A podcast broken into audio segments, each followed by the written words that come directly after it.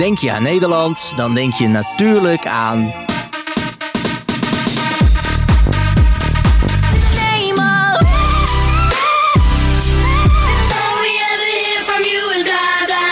Juist, dancemuziek. Die hoor je deze dagen overal in de hoofdstad tijdens ADE, Amsterdam Dance Event. En dan kan je niet alleen feesten. Belangrijke mensen uit de dancewereld komen er ook zaken doen.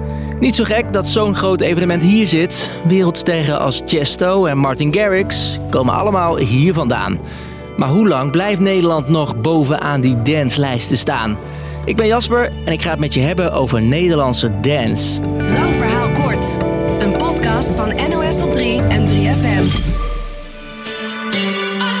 Well, the music is great. The greatest artists are here. Wat nu gigantisch is, begon ooit klein.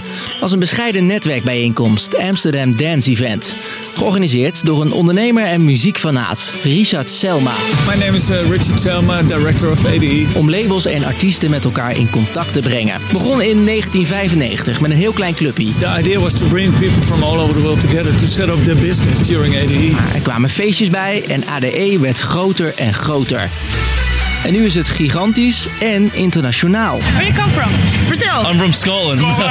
Colombia. Colombia. Oh, we're super excited. It's gonna be super fun. En hoewel je bij ADE waarschijnlijk denkt aan tot het gaatje gaan, Waarom zou ik niet nog een biertje gaan drinken? Het is misschien laat, ik ben misschien al aan de tering, maar ja, nou en. Er wordt dus ook keihard genetwerkt, deals gesloten en muziek geluisterd.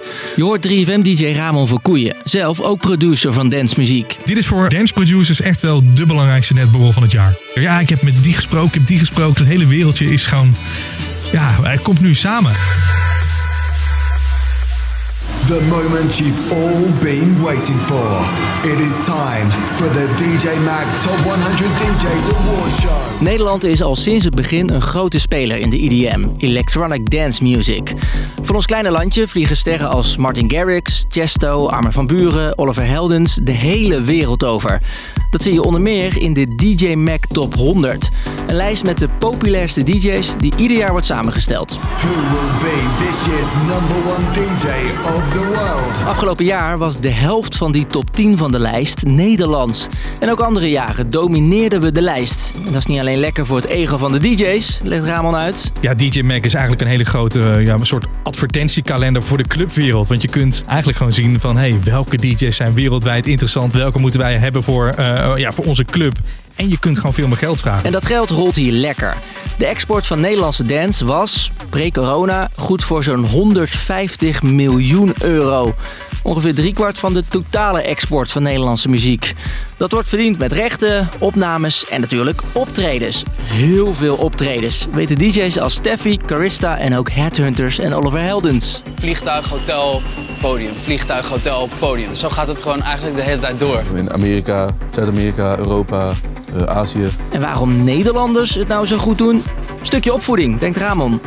Ik denk dat eh, Nederlanders, eh, Nederlandse producers zijn opgegroeid al van, van jongs af aan met dancemuziek. We waren natuurlijk super vroeg. Hè? In, de, in de eerste periode had je al Tiesto, je had Armen van Buren, Ferry Korsten. Dus ik denk dat, je, eh, dat dat een compleet andere opvoeding is dan bijvoorbeeld in België. Of dan, dan maar ook vooral Amerika bijvoorbeeld, waar ze niet met dance opgroeien.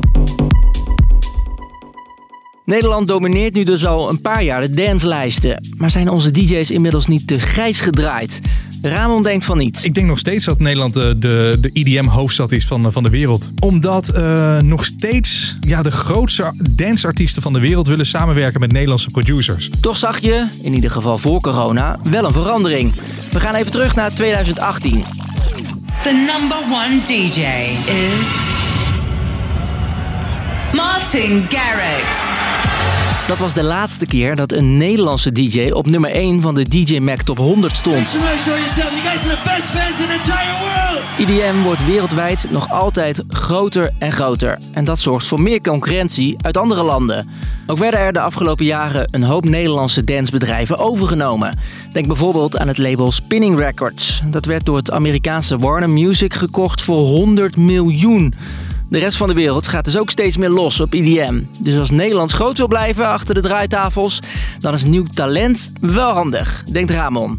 En dat kan dus zomaar op ADE ontdekt worden. Ik denk dat, dat, dat er heel veel talent rondloopt. En dat je als groot label gewoon ook eh, eh, goed om je heen moet blijven kijken naar nieuwe talenten.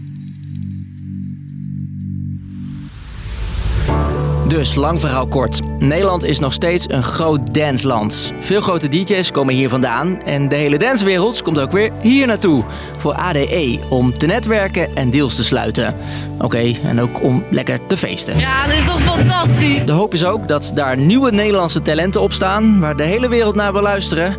Nou ja, als dat niet gebeurt, heb je altijd ons nog. Lang verhaal kort, de podcast kan je altijd opzetten. Ook tijdens ADE hoor. Bedankt voor het luisteren. Doei!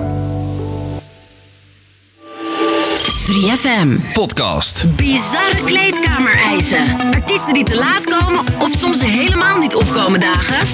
Helaas is hij ziek geworden en heeft zijn dokter gezegd dat hij niet kan optreden. Maar niet getreurd, hij komt woensdag weer terug. Nieuwsgierig hoe het eraan toe gaat bij een concert van jouw favoriete artiest? De beste en meest juicy backstage verhalen hoor je in de podcast Blauwe M&M's. Via de 3FM app of jouw favoriete podcastplatform.